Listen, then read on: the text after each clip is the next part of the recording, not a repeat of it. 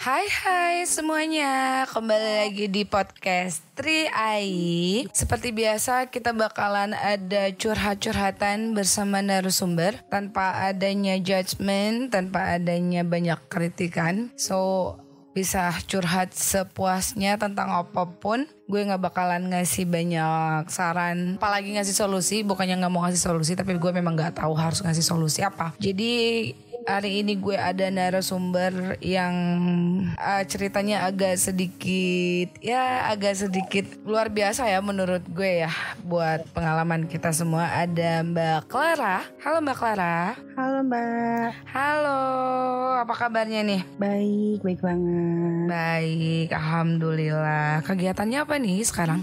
Aku kerja aja. Oh kerja, nggak ada hmm. ini ya selama covid ini tuh nggak ada uh, yang terganggu banget untuk urusan pekerjaan atau yang lainnya ya. Ah, alhamdulillah lancar-lancar aja sih mbak. Alhamdulillah. Boleh panggil hmm. Ai aja nggak enak dipanggil mbak? Oh iya Ai maaf. Oke, okay, Clara. Uh, tadi katanya mau cerita tentang suatu hal yang ber, berhubungan dengan pengalaman yang agak sedikit luar biasa nih ya. Mm, mm, mm. Tentang apa nih? Um, ini langsung aja. Langsung aja. Oke, jadi ini aku tuh punya habit. Habit, oke. Okay.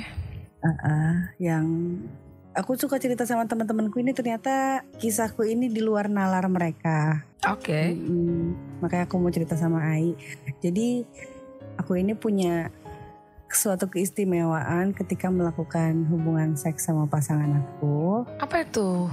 Yang di mana aku itu menginginkan bahkan minta dengan paksa kalau aku harus disakitin. Hardcore lah istilah istilahnya. Wow, oke. Okay. Gitu. Interest. Oke, okay. hardcore. Uh, ya, ya, maksudnya sering baca, sering nonton hal-hal yang ada hal seperti itu. Tapi untuk ada yang bercerita pengalamannya langsung baru kali ini nih. Gimana itu? Oh iya. Awal mulanya itu gimana? Kok bisa sampai punya hasrat keinginan seperti itu? Uh, jadi ya awalnya aku tuh ya memang suka melakukan itu sama pasangan. Uh -uh cuman aku tuh nggak ngerasa puas gitu. Kayak udah melakukan itu ya udah gitu-gitu aja. Maksudnya aku nggak ada kesan kayak gimana gitu. Sampai kayak pada ada akhirnya yang kurang, ya.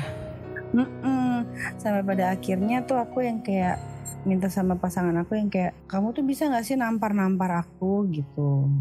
Loh. itu tuh kayak awalnya aku nggak ada nggak ada track record sama pasangan sebelumnya kayak gitu. Nggak pernah sama sekali. Cuman saat itu tuh aku minta sama pasangan aku gitu. Sampai pasangan aku itu kayak nggak ngerti harus ngapain sampai aku uh, buka porn aku tunjukin ini loh dibilang aku bilang gitu kan begini loh caranya gitu. Lo aku harus nampar-nampar kamu dibilang gitu. Aku harus jenggut-jenggut kamu uh, mukul-mukul kamu. Iya aku bilang gitu. Dia sempat nggak setuju sempat nggak okay. setuju. Cuman aku yang kayak aku nggak bisa nih puas kalau nggak kayak gini loh sejak kapan? Pokoknya uh, hari itu aku minta sama pasangan aku minta di kasarin kayak gitu. Itu pengalaman pertama jadi pas pengalaman pertama itu pun mungkin pasangan aku ke bawah suasana ya karena aku minta juga aku udah mempersilahkan dan itu aku bener-bener ngerasa puas jauh puas dari sebelum-sebelumnya pas ngelakuin hal itu gitu. Maksudnya kalau nggak dipukul itu nggak orgasm gitu? Orgasm, cuman nggak ada kepuasan gitu. Oh. Orgasmenya biasa aja kayak ya klimaks aja udah nggak ada gimana-gimana lagi setelah itu pun kesannya nggak ada yang kayak satisfying atau kayak gimana aku biasa aja tapi kalau misalkan setelah melakukan hal itu dengan aku di spank segala macam ditampar-tampar itu aku tuh happy banget happynya tuh happy banget gitu pasangan kamu nggak keberatan? Malah aku minta. Iya, memang minta. Cuman kan ada uh, kalau orang yang fantasinya itu cuma itu ini adalah sebuah fantasi ya. Mm -mm. Kalau orang yang fantasinya normal, yang biasa aja gitu, maksudnya biasanya itu keberatan untuk melakukan hal seperti itu karena pasti dia ngerasa itu sesuatu hal yang aneh dan mengerikan. Tapi iya. dia nggak keberatan. Dianya atau akunya? Dianya. Dianya awalnya keberatan. Mungkin ya namanya pasangan kan sayang ya nggak mungkin lah nampar-nampar pasangan gitu kan. Mm -hmm. Cuman ya akunya minta gitu. Akunya minta kalau emang kamu mau saat ini sama aku kamu harus kayak gitu. Aku aku tuh sempat dituduh selingkuh sampai sama dia aku main sama orang lain yang melakukan hal itu. Padahal enggak entah kenapa um, aku tuh punya fantasi itu tiba-tiba. Bahkan lebih parah aku malah minta diikat-ikat pernah. Wow sampai sampai segitunya? Iya aku sampai minta diikat-ikat tangan aku bener-bener yang kayak submission deh kalau nggak salah namanya ya. Yang penurut uh -uh. yang di ya yang dipecut-pecut gitu atau disetrum-setrum. Cuman kan itu kan butuh modal dan kita di Indonesia nggak mungkin itu beli itu di mana gitu kan. Oke. Okay. jadi ya ya udah aku bilang kalau misalkan kamu nggak mau bondage asik. Kalau nggak mau bondage ya udah hardcore aja.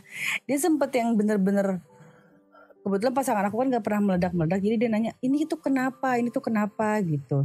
Yang pada sampai akhirnya ya itu jadi habit kita. Walaupun gak setiap hari ya walaupun gak setiap, iya, uh, setiap saat melakukan hubungan. Mm -mm. Tapi gitu, cuman tapi kamu itu sampai yang uh, sampai yang mau disiksa, mau di ya mau diapain aja gitu sampai segitunya, fantasinya, fantasinya. Fantasinya iya karena kalau aku nggak ngerasa sakit di badan aku, aku tuh nggak nggak puas gitu. Waduh, nggak puas. Jadi aku harus udah gitu ya.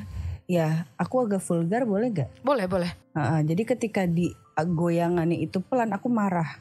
jadi dia harus yang pak pak pak pak pak gitu. Ini gak sih gue? Nggak, nggak, nggak apa-apa. Iya, jadi harus podcast ini bebas. Gitu karena ini curhat ya, pengalaman harus pribadi. kayak gitu baru aku abis itu bisa sayang-sayang dia cuddling-cuddling after sex gitu aku bisa ngelakuin itu. Cuman kalau misalkan memang lagi biasa ya biasa aja tetap cuddling. Cuman pas aku minta tapi dia nggak sesuai sama ekspektasi aku aku bete abis itu. Walaupun puas tapi aku bete. Oh kayak nggak kayak nggak sempurna gitu ya? Mm -mm. Oke, okay, gitu. uh, ini gue sambil baca-baca itu adalah masokis ya namanya ya. Masokis iya, itu kor uh, bukan korban sih orang yang senang dipukuli fantasinya disakiti fantasinya bisa verbal juga. Kalau verbal kamu iya nggak? Kayak dimaki-maki dihina-hina gitu seneng juga nggak? Kalau misalkan verbal sih nggak bisa. Nggak jadi fisik aja. Fisik aja gitu. Kalau sesuai yang aku baca ini kan itu kan termasuk kelainan seksual ya? Uh, uh, uh, hitungannya uh, uh. termasuk kelainan seksual sih. Uh, uh. Ya, dan itu itu berhubungan dengan psikologi. Kamu iya. pernah pernah ada keinginan untuk coba cek ke dokter nggak? Mencari tahu uh, penyebabnya itu apa? Karena itu kan pasti ada penyebab kan. Uh, aku orangnya memang nggak suka konsultasi ke dokter karena nggak mau ada orang lain ngejudge aku. Ya. Jadi aku cari tahu sendiri, tanya-tanya sama teman-teman yang kuliah psikologi, teman-teman uh, teman-teman yang ngerti akan kan banyak kayak orang yang ngerti sama fantasi seks walaupun mereka nggak ngelakuin gitu kan. Mm-hmm. aku tanya-tanya sama mereka bahkan aku googling sendiri ini tuh gue kenapa sih? gitu. Kalau lagi sadar suka geli sendiri gitu loh. Kok gue mm-hmm. mau ditampar-tampar sama orang? gitu kan. Mm-hmm. sampai badan merah-merah sampai leher tuh dicekek sampai ada bekas merahnya terus bekas gigitan di mana-mana bahkan um, sakit kan itu? sampai uh, sorry puting aku tuh sampai berdarah gitu karena di, aku harus mereka mereka eh, dia tuh harus gigit-gigit aku gitu. Sampai segitunya? aku, uh, uh, pokoknya aku harus ada bekas. Dan ngelihat bekas itu tuh aku happy gitu satisfy wow. gitu. Wow wow, gitu. wow wow wow wow wow wow. Dan mungkin kalau dari sisi psikologinya um, ini aku mau cerita tentang masa kecil boleh, boleh. Uh, uh, jadi aku tuh memang di dapat perlakuan dari orang tua aku memang ya nggak begitu baik lah mm-hmm. gitu waktu kecil aku sering dipukulin sering di ya disakitin badan lah ya fisik tuh selalu disakitin kalau berbuat salah gitu aku sih mikirnya mungkin ini imbas dari itu gitu oh, jadi aku yeah. terbiasa terbiasa dikasih um, solusi bukan solusi ya di akhir masalah itu dengan kesakitan aku sih bacanya gitu ya aku juga suka baca-baca. Jadi aku mikirnya kalau misalkan saat ini aku mau itu kalau aku lagi stres kalau aku lagi ada masalah. Oh I see. Mm-hmm. jadi ketika di kerjaan kah atau di pertemanan atau dalam hal apa pun aku lagi stressful, aku pasti minta itu gitu. Dan beruntungnya pacar aku ya sekarang udah mulai ngerti gitu. Ngerti kalau kamu lagi stres berarti dia akan melakukan hal itu. Betul. Tapi sih dia nggak pernah yang kayak tanpa tanpa instruksi aku dia nggak akan pernah menjadi sadistik gitu maksudnya. Orang yang melakukan itu itu pasti sesuai sama permintaan aku. Walaupun abis itu dia pasti yang kayak selalu meluk-meluk minta maaf kalau ngeliat badan aku merah-merah, bahkan bibir aku berdarah gara-gara dia gigit. Yang namanya laki-laki kan ngikutin alur perempuan ya. Hmm. Uh, jadi dia dia mungkin lose lose kontrolnya itu yang aku bikin seneng gitu ternyata wow. dia bisa ngikutin bisa ngikutin gaya permainan aku aku pun puas walaupun setelah itu dia pasti meluk-melukin aku minta maaf sayang aku minta maaf jadi kayak gini aku malah kayak ini aku lagi happy loh kamu jangan ngerusak mood aku yang lagi happy banget gini yang dia sampai kayak kamu kamu tuh butuh ke psikolog atau psikiater gak sih dia bilang kayak gitu? Iya sih menurut Terus? menurut aku juga itu kayaknya hal yang dibutuhkan. Karena kalau cuman bertanya atau baca itu kan gak ada tindakan kayak yang kalau eh, konsultasi langsung gitu ya ke psikolog atau psikiater. Mereka kan profesional mereka tahu what to do gitu. Jadi karena itu akan menurut gue dan apa yang sedang gue baca ini bisa menjadi suatu kebiasaan yang semakin parah. Jadi kayak yang misalnya contohnya biasanya ditampar. Karena ditampar sudah sering kurang. Jadi mintanya yang lain. Mm-hmm. jadi takutnya itu uh, kamunya bisa ke tahap yang senangnya dicelakai bukan hanya disakiti. Kalau dalam hal selain seks sih aku nggak suka. Iya, iya malahan iya, sih uh-uh, kalau misalkan lagi berantem pun ya aku nggak pernah kayak minta tampar dong gitu nggak pernah. Pasti itu dalam aneh dalam... juga ya kalau lagi berantem tampar gue dong. Ya kan kalau misalkan masokis mungkin ada yang lain gitu kan yang min- lagi berantem atau lagi biasa. Aku pernah nonton film apa gitu. Jadi dia tuh kalau lagi stres mintanya dicambuk. Hmm I see I see I see. dicambuk. Sampai akhirnya aku nggak tahu itu dapat ide dari situ atau kayak gimana. Aku nonton film itu udah lama banget udah hampir 15 tahun yang lalu. Mm -hmm. jadi akhirnya si pacarnya ini kalau misalkan memang lagi berantem jadinya di hardcore gitu. Memang ditampar-tampar se tapi aku nggak separah dia sih. Dia sampai yang bener-bener matanya biru yang bener-bener ditampar segala. Emang cowoknya ini memang mereka tuh sadistik dan masokis gitu ha -ha. kayak gitu. Dan itu aku mungkin ya dari situ aku kayaknya enak gitu kalau lagi stres gitu. Di sisi lain mungkin karena uh, kondisi psikologis aku yang mungkin aku tahan dari kecil yang aku pacaran sama pacar aku tuh udah berapa tahun tiba-tiba aku menjadi sosok yang lain gitu. Ya dia ya wajar sih kalau dia nuduhnya selingkuh nggak sih ay Wajar sih. Iya, lah ini cewek gue kenapa tiba-tiba minta ditampar-tamparan sebelumnya nggak pernah, gitu kan ya, pasti. Uh, dan itu adalah memang, tapi lo kalau untuk pekerjaan sosial itu nggak ada gangguan ya disebabkan sama psikologi ini ya? Nggak ada. Bahkan gak ada. ya bisa dibilang gue sama orang lain ya fine fine aja. Gue nggak ada yang gimana gimana sama temen pun ya sedekat itu. Iya nggak maksud gue lo kalau misalnya nih ada sesuatu hal yang orang kalau orang normally yang tidak ada psikologinya tidak terganggu ya kalau misalkan orang lain memandang gue rendah atau kayak gimana gitu ya uh? ya udah itu kan point of view gitu kan uh? Ya udah terserah mereka mau berimajinasi atau menjudge gue seperti apa ya mungkin ada rasa sakit di hati okay. gue kayak berarti lo, masih sih, gitu. untuk sosial lo masih normal-normal hmm, aja sih cuman ya udah gue pendem aja gitu nah ya maksudnya kan ya, kalau, ada orang yang menerima itu mm -mm. menerima dalam artian uh, lo ngerasa diri lo karena ngera, karena psikologi lo ngerasa diri lo tidak berharga jadi lo mau diapain aja sama orang lo terima aja oh enggak enggak gitu enggak gitu oke okay. mm -mm. itu masih gitu. baik sih masih ya mungkin ya gue nggak tahu itu normal atau sakit jadi ya gue ngerti tapi itu gue pun fantasi seks lo di situ dong um, ya itu uh, yang yang sampai sekarang baru kesampaian ya si hardcore itu kan. Cuman gue tuh masih kayak minta sama pacar gue, lo beli rantai kayak borgol kayak gitu. Wow. Apa jadi rantai tuh, borgol. Terus dipukulin. Gitu sampai uh, dipecut gue tuh pengen banget dipecut. Pengen banget. Mm -mm, pengen banget dipecut pengen sambil banget. ditutup mata gitu. bisa nggak sih lo visualisasi perasaan lo kalau lo di sedang di sedang lo pengen itu terus lo diperlakukan seperti itu bisa nggak sih lo visualisasi lo gambarin pera, perasaan lo apa yang lo rasain apa apa bayangan lo uh, imajinasi lo bisa nggak sih lo visualisasiin? Hmm, jadi ketika gue uh, merasakan kesakitan itu bagaimana gitu ya? Mm -mm. Uh, gimana ya kalau kayak misalkan lo um, minta lo minta makan cuma nasi sama tempe yang biasa itu cuma uh, nasi sama tempe lu udah seneng karena lo lapar gitu.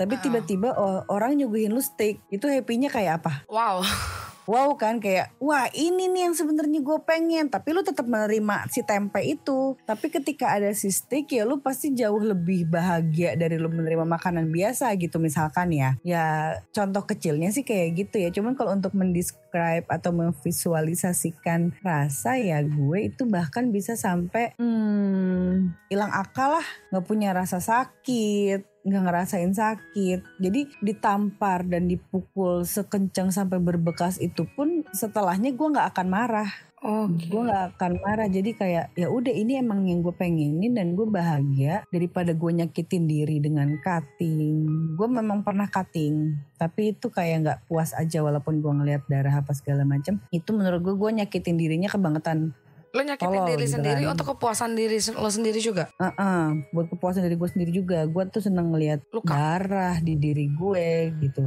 Gila, gila, gila, gila, gila, gila. gue tuh seneng sama hal-hal kayak gitu ya mungkin ini efek dari psikologis kecil masa kecil gue yang kurang iya, baik gitu kan mungkin bisa jadi uh, karena lo kecilnya baca -baca. itu mm -mm. karena kecilnya lo dipukulin lo ngerasa memukul itu hal yang wajar Iya. Ya, lo berpikir seperti itu. Bukan bukan memukul hal yang wajar sih, uh, lebih ke badan gue disakitin itu wajar badan lo disakiti itu hal yang wajar menurut lo? Iya. Oke. Okay. Badan gue berhak menerima rasa sakit dan gue mau itu. Tuh mungkin orang lain yang maunya seksnya lembut-lembut. Gue ada sih momen kayak gitu pengennya ya siapa sih yang pengen? Gue juga masih agak waras ya. gue gue nggak bilang mental gue sehat nggak. Gue kalau masih agak waras ya gue ya kayak ya udahlah yang biasa aja gitu. Mm -hmm. Cuman kalau gue lagi stres full tingkat dewa, mm -hmm gue nggak bisa menerima seks yang seperti biasa gitu yang normal normal itu gue nggak bisa. Uh-uh. eh, tapi menurut gue lo berfik lo punya pemikiran tubuh lo berhak untuk disakiti itu udah bu, uh, buat gue pribadi ya. Gue nggak tahu orang di luar sana tapi kalau untuk buat gue pribadi itu adalah sesuatu hal yang sudah di luar nalar. Karena gue justru selalu berpikir eh, selalu ya gue sering ngomong sama orang gue sering ngomong di podcast bahagian diri lo jangan mau disakiti orang lain apalagi lo punya berpikiran ya badan gue memang harus disakitin. Itu aneh men. Tapi dengan dengan dengan persetujuan gue ya kalau misalkan iya, iya itu persetujuan lo dalam artian kan memang lo yang minta disakiti sedangkan orang lain hmm. normalnya gue nggak mau disakitin jangan sakitin gue sedangkan lo minta disakitin. Ya nggak lo doang sih. Mungkin ada beberapa orang yang kasusnya sama kayak lo sih menurut gue. Ya, tapi nggak berani speak up. Bahkan iya, awalnya gue nganggep ini tuh sebuah aib. Gak ada yang tahu selain pasangan gue gitu. Oh, sampai oh, itu bukan aib uh, sih. ya awalnya gue pikir itu aib kan. Karena kayaknya gue nggak normal deh gitu. Kayaknya gue sakit jiwa deh gitu cuman um, gue baca-baca gue baca-baca sendiri gue tanya teman-teman gitu kan ternyata ini namanya ini si masokis tersebut ini kelainan seksual bahkan ada ada potensi untuk kelainan mental dan jiwa gitu kan mm-hmm. cuman ketika gue merasakan hal itu sebagai kebahagiaan gue ya I don't care Iya sih. Toh gue tidak merugikan banyak orang gitu kan. Ya tapi lo merugikan diri lo sendiri sayang. I don't care. I'm happy with that. Iya sih. Ya, kalau kalau lo sudah memutuskan itu adalah sesuatu hal yang lo nggak nggak pedulikan dan lo merasa itu lo nggak membutuhkan tenaga profesional, gue juga nggak bisa ngomong apa-apa. Tapi saran gue sih lo sebaiknya cek at least lo cek lo harus tahu penyebabnya karena jangan sampai kebablasan Hmm. Jangan sampai lo nanti sudah berumah tangga lo. Eh lo udah berumah tangga belum? Belum kan? belum belum Jangan sampai di saat lo sudah berumah tangga itu menjadi bumerang. Mm-mm. Ya, eh, karena kan lo udah tahu kalau ini bukan aib, Iya. ya kan? Lo tahu ini adalah suatu kelainan, fantasi fantasi. Jadi Mm-mm. ya ada ada baiknya lo bertanya ke profesional ini bahaya atau enggak. Mm-mm. Udah pernah Bener nanya belum? Ya gue nanya sama teman-teman yang anak-anak psikolog aja gitu. Cuman kata mereka selama diri lo, mereka juga bingung ya. Maksudnya mereka juga bilangin hal yang sama kayak lo nih. Lo coba dicek ke yang lebih ngerti gitu kan, ke orang-orang yang memang di bidang ini gitu. Bagaimana cara mengurangi atau eh, mengalihkan Hmm. cara di luar ini gitu kan untuk men- menangani stres gue.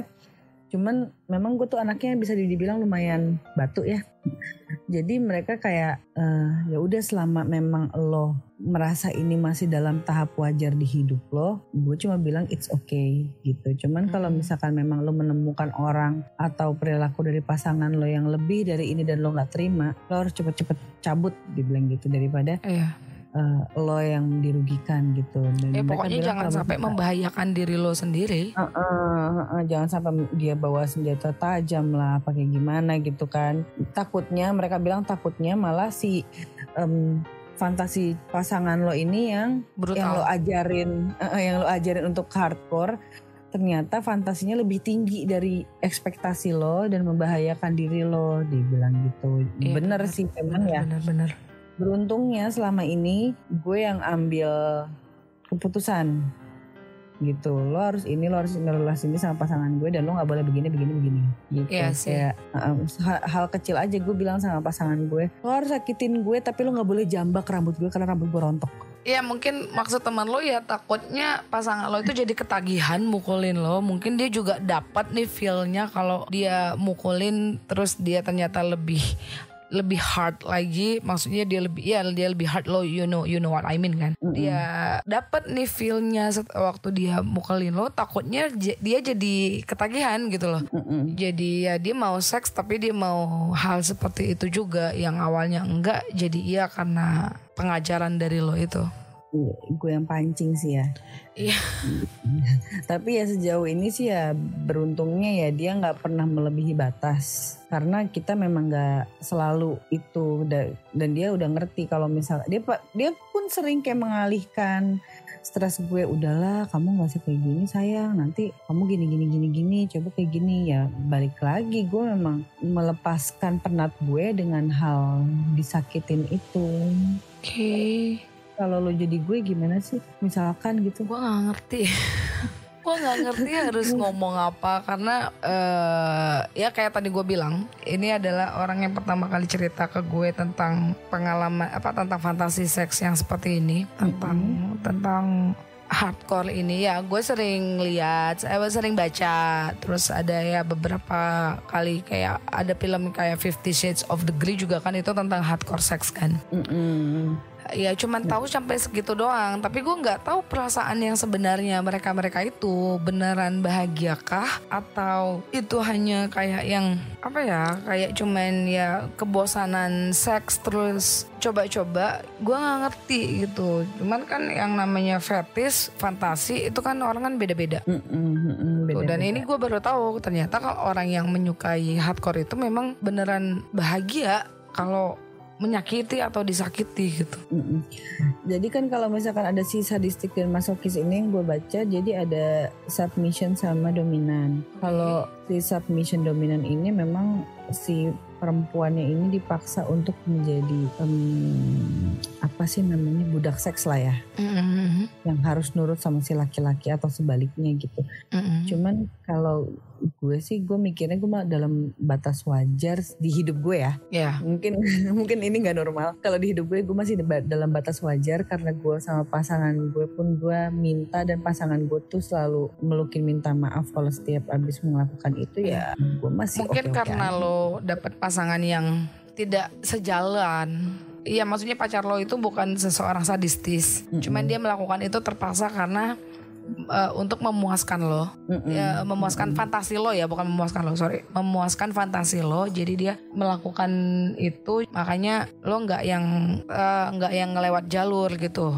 Mm. Syukurnya kalau lo ketemunya yang memang fantasinya sama sejalan, ya gua- mungkin bakalan kayak reguler gitu loh. Iya, beruntungnya sih ya gue ada pasangannya yang normal-normal Iya. aja gitu yang harus gue paksa. Mungkin kalau yang gue bilang gue dapat pasangan yang sama kayak gue bahkan lebih, mungkin gue nggak mungkin se bak- mungkin gue bakalan punya perasaan nggak suka karena balik lagi itu bukan keinginan gue gitu. Kan kalau misalkan si laki-laki ini mau kan kalau mereka udah sadistis itu kita pasangannya nggak boleh nolak. Iya, Mm-mm. Kalau ini ya, ya bersyukurnya gue Iya, lo masih Iya, belum belum di tahap yang lo eh, nggak orgasm kalau nggak dipukul. Karena ada kayak, kayak barusan gue baca ada orang yang harus di- harus memang harus nih harus disakiti dulu baru dia bisa orgasm. iya itu gue. Lo itu lo Iya.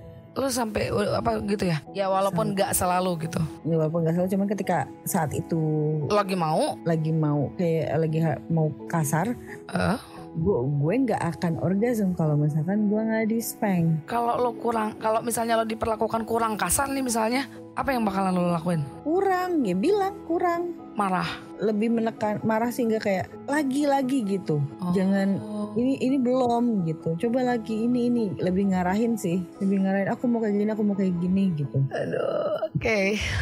terus kalau mis orgasm ketika kita seks normally Mm-mm, ya udah puas mm-mm, gitu cuman ketika gue lagi dalam momen itu mm-mm. terus gue orgasm em, rasanya tuh ya lebaynya tuh sampai kayak pala gue dingin gitu Mm. gimana sih pak ya kayak palanya dingin gitu puas banget kayak kayak si stres stres ini keluar dari pori-pori keluar lewat pori-pori kepala Oh, lo kayak lubang- lubang enteng gitu lo ngerasa ngerasa lega, ngerasa enteng, ngerasa Mm-mm. oke. Ya, kalau orang yang tidak punya fantasi seperti itu kalau seks ya pasti begitu sih udah orgasm dia dia lega gitu. Tapi kalau Mm-mm. kondisi lo gue baru ini denger sih. iya jadi gue mengeluarkan si stres-stres itu dengan teriak mungkin gue orangnya nggak bisa meluapkan emosi ya Mm-mm. kayak kayak gitu jadi dengan gue teriak-teriak di kamar dengan pasangan gue tanpa ya itu udah mewakilkan dan biasanya setelah itu tidur gue 100 kali lipat lebih nyenyak daripada tidur biasa Oke. dan walaupun dengan badan biru-biru merah-merah gitu bangun tidur fresh banget kayak tidurnya bener-bener kayak berkualitas gitu Eh, dan pasangan gue pun bilang kalau habis momen itu kamu tidur tuh udah kayak mayat dibilang Lo pernah nggak ngerasa bersalah ke diri lo ke diri lo sendiri abis melakukan itu kan lo lihat tuh bekasnya uh, Mm-mm. bekas gigitan, bekas cakaran, bekas pukulan. Pernah nggak lo di merasa bersalah ke diri lo sendiri? enggak Enggak. enggak enggak malahan kalau gue ya kita habis mandi mau pakai baju kan kadang-kadang suka ngeliat gitu kan Heeh. itu gue ketawa Ketawa apa nih? Ketawa bangga. ketawa kayak ih enggak bangga sih kayak seneng aja gitu Hai ini bekas kemarin nih gini-gini gitu Seneng. Ih seneng sih Ketawa seneng. iya Badan biru-biru, bekas cakaran, bekas gigitan, berdarah-darah. Seneng. seneng Wow. Aneh ya? Gue aja kena sayap pisau nangis. Eh, jangan kan kena sayap pisau ya ya kalau misalnya ada orang doing sex kayak di spank di buti gitu biasanya. Ya, kalau terlalu keras aja gue pasti ngambek. Hilang mood langsung ya? Bukan hilang mood ya hilang mood ya lebih ke yang sakit lo apaan sih? gitu. Hmm, kalau gue udah di pernah pernah waktu itu em, pasangan gue kelepasan gue nggak minta. Heeh. Tapi karena sebelumnya kita habis hardcore dia dengan sekenceng-kencengnya nampar pantat aku ketika aku nggak mau aku langsung diem. Eh, nggak Yang sengaja kayak nggak sengaja bilang eh sorry beb in apa kebiasaan dia bilang gitu kan. Ya udah karena emang nggak ada masalah cuman kayak gitu doang ya udah lanjutin aja. Oh karena dia juga sadar kalau nggak sengaja ya? Mm-mm, karena itu karena lagi biasa aja gitu. Hmm. Just sih. Tetap aneh sih menurut gue ngelihat badan di badan biru-biru seneng. Tapi bener ketika habis mandi gitu ya kita eh, gue ngeliat ke kaca gitu. Yang dada gue biru biru yang di leher biru-biru terus uh, ada leher biru dia paling dicekek dicekek. Dicekek itu keras nggak? kerasnya dalam batas wajar sih gue nggak sampai nggak bisa nafas gitu nggak.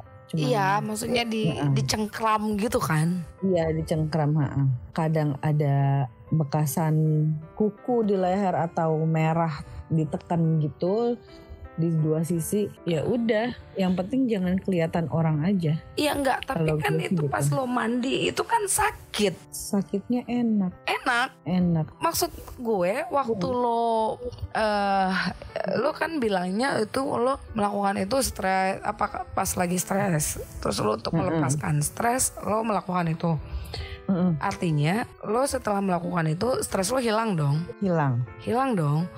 Nah, setelah lo melakukan itu, pas lo beres, terus mm -hmm. lo misalnya besoknya lo mandi, itu berarti lo sudah normal kembali kan? Mm -hmm. Kenapa lo masih seneng dengan rasa sakit itu? Ya karena membayangkan hal inilah yang bikin gue nggak stres lagi. Oke, okay. oh jadi lo uh, solusi buat lo itu kalau lo menghadapi uh, stres, kalau lo sudah kepentok masalah atau lo ada masalah yang nggak terpecahkan gitu di dalam pikiran lo atau di di bawah alam sadar lo lo harus dipukul iya. untuk supaya masalah itu terselesaikan terselesaikan nggak eh, bukan ya? terselesaikan ya? maksudnya lo gini uh, apa ya gue bilangnya gue, lo gue merasa gini, mera gini gini lo sering mendapat hukuman ya iya oh jadi kalau lo dapat jadi kalau lo punya masalah lo ngerasa diri lo harus mendapatkan hukuman nih gitu ya uh -uh. oke okay. Nah setelah itu baru deh gue bisa mikir. mikir benar. Gimana nih jalan keluarnya masalah yang lagi gue hadapin? Kalau gue nggak dapet perlakuan itu bener-bener mentok gitu. Oh, Tapi ketika gue udah mendapatkan hal itu seperti kepala gue tuh otak gue tuh kayak terbuka gitu oh ternyata ini bisa loh jadi solusinya kenapa nggak dari kemarin gitu oh jadi lo memecahkan problem itu setelah lo istilahnya badan lo itu mendapatkan hukuman Mm-mm. gitu ya? Ya gue gue sebenarnya sih sedikit kehilangan memori kecil anak waktu gue kecil ya. Tapi ya seingat gue sebelum dikasih solusi sama orang tua gue ya gue disakitin dulu. Uh, ya entah itu dilibas, entah itu di dipukul, dipukul. disabet, disiram, siram apalah segala macem wow. ya. Dipukulnya keras. Pernah hidung gue sampai ngocor berdarah karena ditonjok sama orang tua lo. Uh -uh. Jadi setelah gue disakitin, gue gue ada masalah nih, masalah A. Mm -hmm. uh, tanpa intro nyokap nyokap gue langsung yang kayak ngelibas gue habis ketika ngelihat gue udah nggak berdaya ya gue baru dikasih tahu salah gue ini oh baru dikasih tahu salah lo ini dan lo seharusnya begini ah uh -uh. oh gitu. itu ya, lama berlangsungnya maksudnya dari lo kecil sampai lo gede. Ya remaja. kecil sampai gue terakhir itu kuliah. Sampai kul sampai berarti SMA lo masih dipukul? Walaupun intensitasnya udah jarang ya. tapi masih. Ya SMA kan lo udah nggak yang kayak melakukan kesalahan terus langsung ketahuan gitu kan? Nggak. Beda kan masalah anak kecil beda. sama beda anak sama anak remaja. Mm -mm. Cuman um, masih dapat masih dipukul? itu ya masih masih wow. cuman pada akhirnya ya uh, akhirnya gue speak up sama orang tua gue ya sampai sekarang sih udah enggak ya dari gue speak up itu sampai sekarang enggak. Ya tapi mental lo sudah sudah dibangun dari kecil. Iya benar. Gue pun mikirnya kayak gitu. Sempet sempet diajak ngobrol juga sih sama temen gue yang psikolog itu kan. Mm-hmm. Kok bisa ada apa kejadian apa sebelumnya? Uh, mereka kan khawatirnya itu dulunya ke, uh, ada kejadian gue diperkosa apa kayak gimana? Iya iya iya. Gitu perlakuan kan. kekerasan seksual. Uh -uh, ternyata kan pas di gue cerita dengan semua eh, cerita semuanya ternyata kan nggak ada sama sekali nih dalam hal seks ini yang pertama kali gue melakukan pun dengan suka sama suka gitu nggak ada kejadian gimana gimana. Mm-hmm. gitu. Akhirnya gue disinggung masa kecil gue sama teman gue yang anak psikolog ini. Mm-hmm. dia nanya kalau boleh tahu masa kecil lo kayak gimana? Mm-hmm. gitu. Dan gue tuh saat itu langsung sakit kepala kayak orang vertigo campur migrain sampai enak gitu kan terus dia sampai ngasih minum oh pelan pelan pelan pelan baru dia tuh kayak sadar oh ternyata di sini nih uh, oh. akar akar masalah gue kenapa gue bisa jadi si masokis ini tuh di sini gitu. Temen. Memang gue nggak dalam nggak dalam hari hari itu juga ceritanya karena gue baru pertama kali ada yang Bertanya. menyadarkan, Oh, Heeh, baru ada yang menyadarkan dan ternyata itu salah satu trauma, traumanya tapi trauma yang menjadi kebiasaan. iya. Traumanya itu trauma kekerasan ya. Mm-mm, gitu gue ditanya karena sampai gue sampai cerita gue sampai nyakitin diri sendiri tapi nggak puas juga akhirnya gue mendapat ide kalau gue harus disakitin melalui hubungan seks Hmm. Ya, tapi kalau lo misalnya lo lagi stres, misalnya lo lagi stres, lo kepentok masalah, lo nggak ketemu solusi. Kalau lo cuman dikerasin doang tanpa seks, bisa. nggak bisa marah Harus seks. Berarti memang harus pasangan lo yang menyakiti lo. Kalau misalnya lo cuman, misalnya ini gue temen lo, lo eh, kebetulan lo lagi nggak punya pacar nih, tapi lo lagi stres banget sampai lo out of control dan lo butuh bu, tubuh lo disakitin. Nggak bisa kalau gue cum- kalau cuman gue yang mukulin lo doang gitu. nggak bisa Nggak bisa. Oh, Oke. nggak bisa jadi mungkin kesakitan plus harus dapat kesakitan plus kepuasan kali ya nggak ngerti Mungkin, mungkin sih. gue nggak belum belum dapat itu sih jawaban dari itu kenapa harus di hubungan seks di hidup di hidup, apa kehidupan seks gue gitu maksudnya gue belum dapat jawaban sih sampai sekarang Clara, dan gue dan gue juga nggak mau tahu Clara. eh, Iya.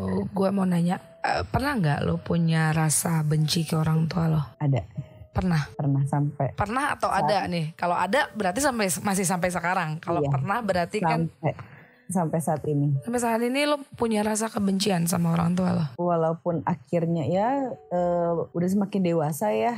Heeh. mikirnya oh ya udah mungkin itu kesalahan orang tua gue. Cuman ketika gue lagi keinget masa kecil gue yang gue nggak mau ketemu mereka. Bahkan sampai berbulan-bulan gue pun nggak bisa gitu nggak ketemu mereka. Oh jadi lo ya walaupun sekarang lo dewasa lo mikirnya gue sama orang tua harus baik, tapi jauh di hati kecil lo lo punya rasa kebencian sama orang tua lo. Mm-mm, mm-mm. bahkan gue sampai punya rasa yang gue nggak peduli sama mereka gitu. Cuman kan ya ya balik lagi kita kalau itu pulangnya ke mana sih gitu. Iya, sekarang sih iya. gue mikirnya gitu. Masih hati masih berbalik-balik. Cuman kalau rasa benci itu kan rasa benci rasa nggak suka itu kan kadang kan nggak bisa kita kontrol kan.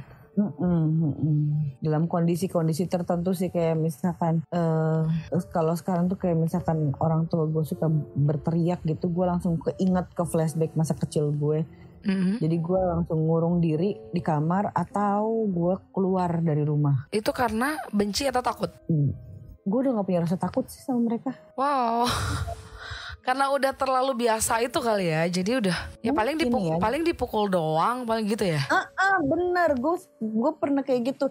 Ah elah marah lagi palingan gue dipukul doang.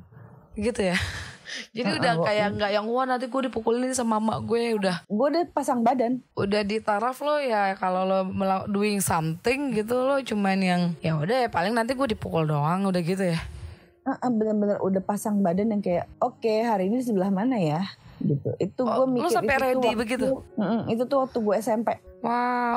Waktu gue SMP gue sampai kayak oke kemarin kan eh, kepala gue ini dijedotin ke tembok gitu kan dijedotin ke tembok? Heeh, dijedotin ke tembok sampai gue nggak tahu kenapa masa kecil gue hilang memorinya apa karena sering dijedotin ke tembok atau ada hal lain gue nggak ngerti. Cuman gue sering banget dijedotin ke tembok gitu kan. Terus pas sebelumnya itu dijedotin ke tembok besokannya ada masalah lagi ya gue udah pasang badan. Oke se- eh, sekarang yang mana nih gitu kan. Oh ternyata gue disabut pakai sabuk gitu kan pakai kepalanya sabuk gitu. Kepala Oh, ya udah. kepala tali pinggang. Kenapa? Kepala tali pinggang yang besinya itu dong berarti Iya, heeh. sampai di tangan gue itu jiplak bentuk kepalanya. Jadi kalau misalkan temen gue nanya tangan lo kenapa ya gue nggak bisa ngelak karena memang bentuknya seperti itu gitu, sabuk bapak-bapak. itu memang habit orang tua lo atau memang eh, sorry eh, sorry nih ya sorry sorry ini nggak luar apa-apa, apa-apa. lo anak kandung kan Katanya sih iya. Iya, maksud gue Gue itu memang kebiasaan orang tua lo terhadap anak-anaknya atau lo doang gitu karena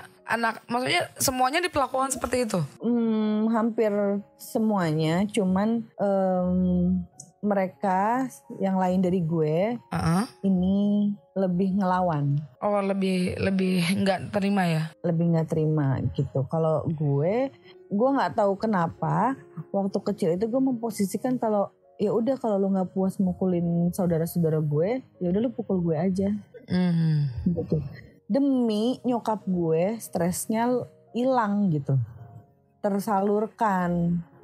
Jadi lo, lo jadi lo peduli ke saudara-saudara lo sehingga lo mengorbankan diri lo sendiri. Gue sih sebenarnya lebih peduli ke stresnya nyokap sih. Oh gitu. Uh, jadi kalau misalkan nyokap gue nggak puas dengan ngomelin kakak atau adik-adik gue, ya ya udah gue yang pasang badan aja deh. Yang penting lu stresnya hilang, gak marah-marah lagi. Gue pusing gitu istilahnya. Itu nyokap. Kalau bokap? Bokap has no power. Jadi yang mukulin lo itu nyokap, bukan bokap? Bukan. Bokap lo nggak pernah? Nggak pernah. Wow. Nyentuh gue dengan kekuatan melebihi ngelus aja itu nggak pernah. Eh, uh, tapi nggak juga ngebelain ya? Mm, dia nggak ngebelain saat itu juga, cuman ada di talk abis itu. Oh, ya maksudnya hmm. waktu nyokap lo eksekusi gitu, eksekusi hmm. bahasa gue udah kayak apa aja. Anjir. Waktu nyokap lo uh, mukulin lo gitu, bokap lo itu diem aja gitu, maksudnya ngebiarin gitu yeah. ngebiarin sih karena mungkin udah tahu tipikal pasangannya kayak gimana gitu kan ya.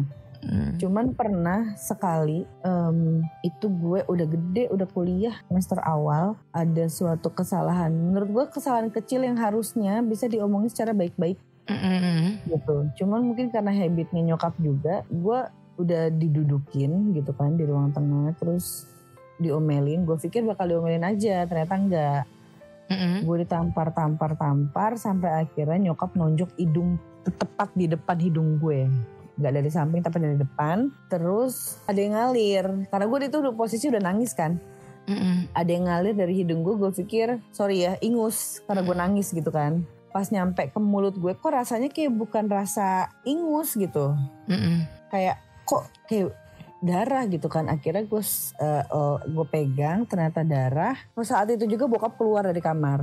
Mm-hmm. bokap keluar dari kamar ngelihat anaknya ini udah kesalahan fatal karena ngebedarahin anaknya dari hidung gitu kan. Mm-hmm. uh, gue langsung ditarik sama bokap nyuruh mbak gue buat ngebersihin. Mm-hmm ngebersihin bajunya baju gue segala macem pokoknya nyuruh buat tidur apa gimana ya udah um, itu hari itu bokap ngomelin nyokap hmm.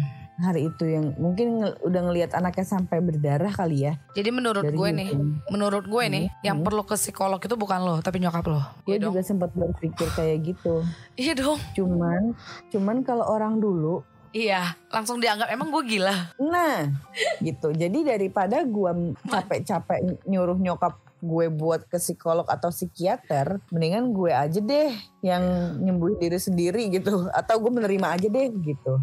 Ya karena menurut menurut cerita lo nih, ya ini bukan aib keluarga tapi ini pelajaran buat semua orang yang nanti berumah tangga mungkin. Yang sakit itu nyokap lo, karena dia itu tidak, eh, karena cara dia menghilangkan stresnya itu nyakitin orang, apalagi nyakitin anaknya. Iya, gue juga sampai mikir yang jangan-jangan nih gue anak yang nggak diinginkan. Enggak, gitu kan. enggak gitu Clara. Makanya tadi kan di awal gue udah nanya tuh, orang tua lo itu memang memang kebiasaannya itu seperti itu ringan tangan atau kalau doang ternyata memang sebenarnya memang kesemuanya seperti itu kan kerasnya. Mm -hmm. Tapi karena yang lain itu kayak ngelawan, menghindar dan lo yang mm -hmm. lebih berpikir nyokap lo butuh penyaluran, lo yang menyerahkan diri. Jadi gue mikir lagi, nyokap lo bukan membenci lo, tapi memang kebiasaannya seperti itu karena dia melakukan itu ke semua anaknya. Iya mm -hmm. dong.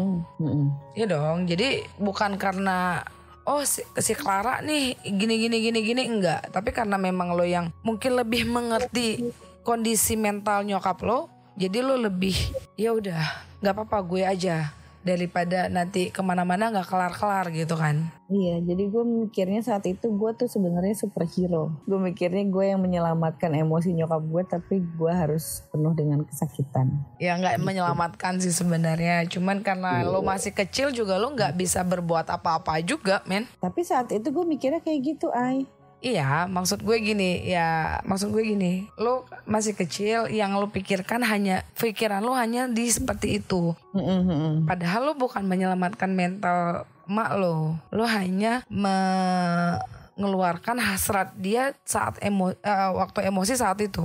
Kalau mm-hmm. menyelamatkan mental harus dibawa ke dokter dan disembuhkan dong. Mm, iya, iya, iya, iya, iya. Karena lo masih kecil, pemikiran lo ya fantasi imajinasinya anak kecil ya kan? Mm-hmm. mungkin yang kayak yang gue gue sayang sama nyokap gue ya gue pasrah aja apa segala macam. Jadi lu hanya sampai di seperti itu. Mungkin kalau dulu ya kalau sekarang udah udah terlambat sih anaknya udah gede-gede. Kalau dulu yeah. bokap lu berpikir cepet something wrong dengan istrinya dia memperlakukan anak-anaknya seperti itu ya yang harus bertindak itu sebenarnya bokap lo. Gue pernah berpikir itu, gue pernah berpikir itu kok gue nggak ditolongin ya. Bahkan e, ketika gue lagi dieksekusi kok saudara-saudara gue lainnya kok nggak ada yang melerai ya mm-hmm. gitu bahkan kita dibiarkan di ruangan itu berdua aja sampai bahkan mbak gue pun nggak berani ngelerai mm-hmm. cuman ya mungkin setelah itu dia yang bantuin gue bersihin luka terus mm-hmm. kompres-kompres gitu. Dia cuma bisa bantu itu. Ya gue wajar ya namanya mbak bisa apa gitu kan istilahnya kalau dalam kondisi-kondisi kayak gitu. Cuman si bokap gue dan saudara-saudara gue yang lainnya tuh kayak gue sempat mikir kok kalian diem aja atau kalian takut? Atau mm-hmm. kalian takut takut kena juga? Atau uh, kesempatan. Iya, gimana gue mikirnya kenapa gitu kan. Uh. Tapi ya setelah gue mengenal makin mengenal dan makin dewasa ya, kalau nyokap gue saat itu dilerai, mm -hmm. bisa tambah parah. Oh gitu. Iya. Malah makin ngamuk ya. Malah makin ngamuk dan ya udah mereka pun saat itu ya komunikasi kita sih sebenarnya di keluarga gue tuh nggak bagus. Mm -hmm komunikasi kita nggak bagus. Jadi setelah itu pun uh, gue ke kamar balik ke kamar tuh nggak saudara-saudara gue tuh nggak ada yang kayak gimana gimana gitu sabar ya mungkin kayak gimana menenangkan gue gitu nggak ada hmm. jadi gue terbiasa menyelesaikan masalah gue sendiri dari kecil tuh ya, sehingga lo besarnya menyelesaikan masalah dengan cara begitu ya hmm, bukan menyelesaikan masalah kan, sih menenangkan diri supaya hmm. lo bisa mikir solusi masalah lo dengan cara Bener. seperti itu gitu. Gue gue rasa sih tuh kalau buat hi, di hidup gue gue dengan gue membela dirinya ya karena gue masih membutuhkan hal itu ya gue itu masih wajar karena gue udah terbiasa dengan hal itu. Iya sih. Ya itu bukan salah itu bukan kesalahan lo menurut gue ya nggak ada sih orang yang mau sakit mental nggak ada sih orang yang punya psikologi menyimpang atau seks menyimpang nggak ada. Pasti ada pasti ada penyebab. Semuanya itu pasti ada penyebab. Nggak ada orang ujuk-ujuk dilahirkan lo punya kelahiran seksual. Nggak mungkin. Makanya ada iya, pasti ada sesuatu pemicunya sih. Dan menurut gue itu bukan kesalahan lo. Lo hanya menjadi korban dan itu menjadi kebiasaan. Dan ya masih ya masih dalam batas wajar sih kayaknya kayaknya. Karena gue bukan bukan gue bukan dokter gue bukan psikolog jadi gue nggak tahu se ini parah atau ini bisa diterima atau ini hal yang wajar gue nggak bisa menjudge dong. Uh, Tapi kalau bener-bener baru pertama kali denger Gue bener-bener baru pertama kali dengar cerita kayak gini. Jadi uh. ya menurut gue ya selama itu fine buat lo ya mungkin itu masih baik-baik aja. Mungkin lo ya. Jadi buat kalian-kalian ada yang belajar psikologi, dokter atau apa pun Kalau memang menur menurut pandangan kalian ini benar atau salah Coba aja di komen di kolom komentar gue Iya komen aja. Gue juga pengen tahu. gue gue nanti bakal pantau sih ininya uh, podcastnya? uh, podcastnya bakal ada yang komen. Gue bahkan akan berterima kasih sama Ai kalau misalkan ada yang bisa memberikan jawaban. Jawab mm, jawaban takutnya takutnya. Uh. gue juga punya ketakutan nanti akan lebih parah dari ini. Iya, masalahnya iya, kan makanya. kita nggak tahu stres kita itu sampai mana sih Iya, levelnya gitu iya, kan. takutnya lo stres lo parah, lo minta disakitinnya lebih parah. Mm-mm, parah lagi ya. stres lo masih kurang sakit lagi nih gitu. Kita juga nggak tahu, mungkin gue juga nggak tahu kayak mungkin suatu saat gue minta dikasih pakai dikasih pakai senjata tajam. Iya, iya, iya. Karena, itu kan lo karena lo, lo gue udah nyampe situ ya kan. Lo sendiri ya, lo nggak bisa kontrol kan karena. Uh-uh. saat itu kan gue udah hilang akal aja kan. Gue pun sadar saat itu pun gue hilang akal. Iya benar benar benar. Hmm, jadi gue belum bisa dibilang sakit mental sih bela diri. Urusan ahlinya sih masalah memutuskan ini adalah sakit mental atau enggak. Ya mudah-mudahan ada yang komen ya. Mudah-mudahan ada psikolog atau yang sedang kuliah jurusan psikolog atau memang si psikiaternya sendiri yang mendengarkan dan mau berbaik hati memberikan komentar ya mudah-mudahan. Tahu kalau mau yang ada yang jadiin gue sebagai bahan skripsi boleh diri ya boleh boleh boleh boleh hubungin gue, gue nanti biar gue jadi calonnya boleh gue seterbuka itu kok dengan Iya. masalah ini Iya, Gitu. ya karena ini juga kebaikan buat lo kan. Mm-mm, bener, gue butuh jawaban sih sebenarnya tanpa ada yang. Gue tuh sebenarnya kenapa nggak mau ke tempat-tempat psikolog psikiater itu gue nggak gue nggak rela dijudge. Oh, cuma, cuman kan kalau psikolog itu kan privasi lo dijaga, coy. Iya, cuman gue nggak menerima nggak menerima ada ada eh, komen apa jawaban negatif yang menjudge. Oh lo harus dapat terapi Oh, atau gimana gitu. gitu. Oh, gue iya, nggak iya. siap akan hal itu gitu maksudnya. Oke, oke, oke, paham, paham. Mm-mm. Oke, Clara, thank you ya sharing-sharing yang Luar biasa Iya, makasih banyak udah mau dengerin. Ada Akhirnya ini gue nggak? bisa cerita all out. Ada pesan-pesan nggak buat yang ngedengerin? Em, gue walaupun melakukan hal ini, Mhm. kalau dalam kondisi waras kayak gini, gue tidak membenarkan. Sebenarnya. Iya, uh, Dan jadi kalian, kalau misalkan memang ada yang mengalami seperti gue, ya buru-buru sadar diri aja mhm. gitu. Kalau gue maksudnya kenapa gue membela diri, gue udah happy dan gue udah nyemplungnya udah kebangetan dalam. Mhm, mhm. Jadi kalau kalian ada yang mengalami kayak gue, bahkan yang si submission yang dapat kekerasan itu bisa jadi mas- masokis juga Mhm. yang gue baca. Kalian buru-buru deh keluar dari Zona itu. relationship mm-mm, toxic itu. Mhm. Jangan sampai kedalaman kayak gue.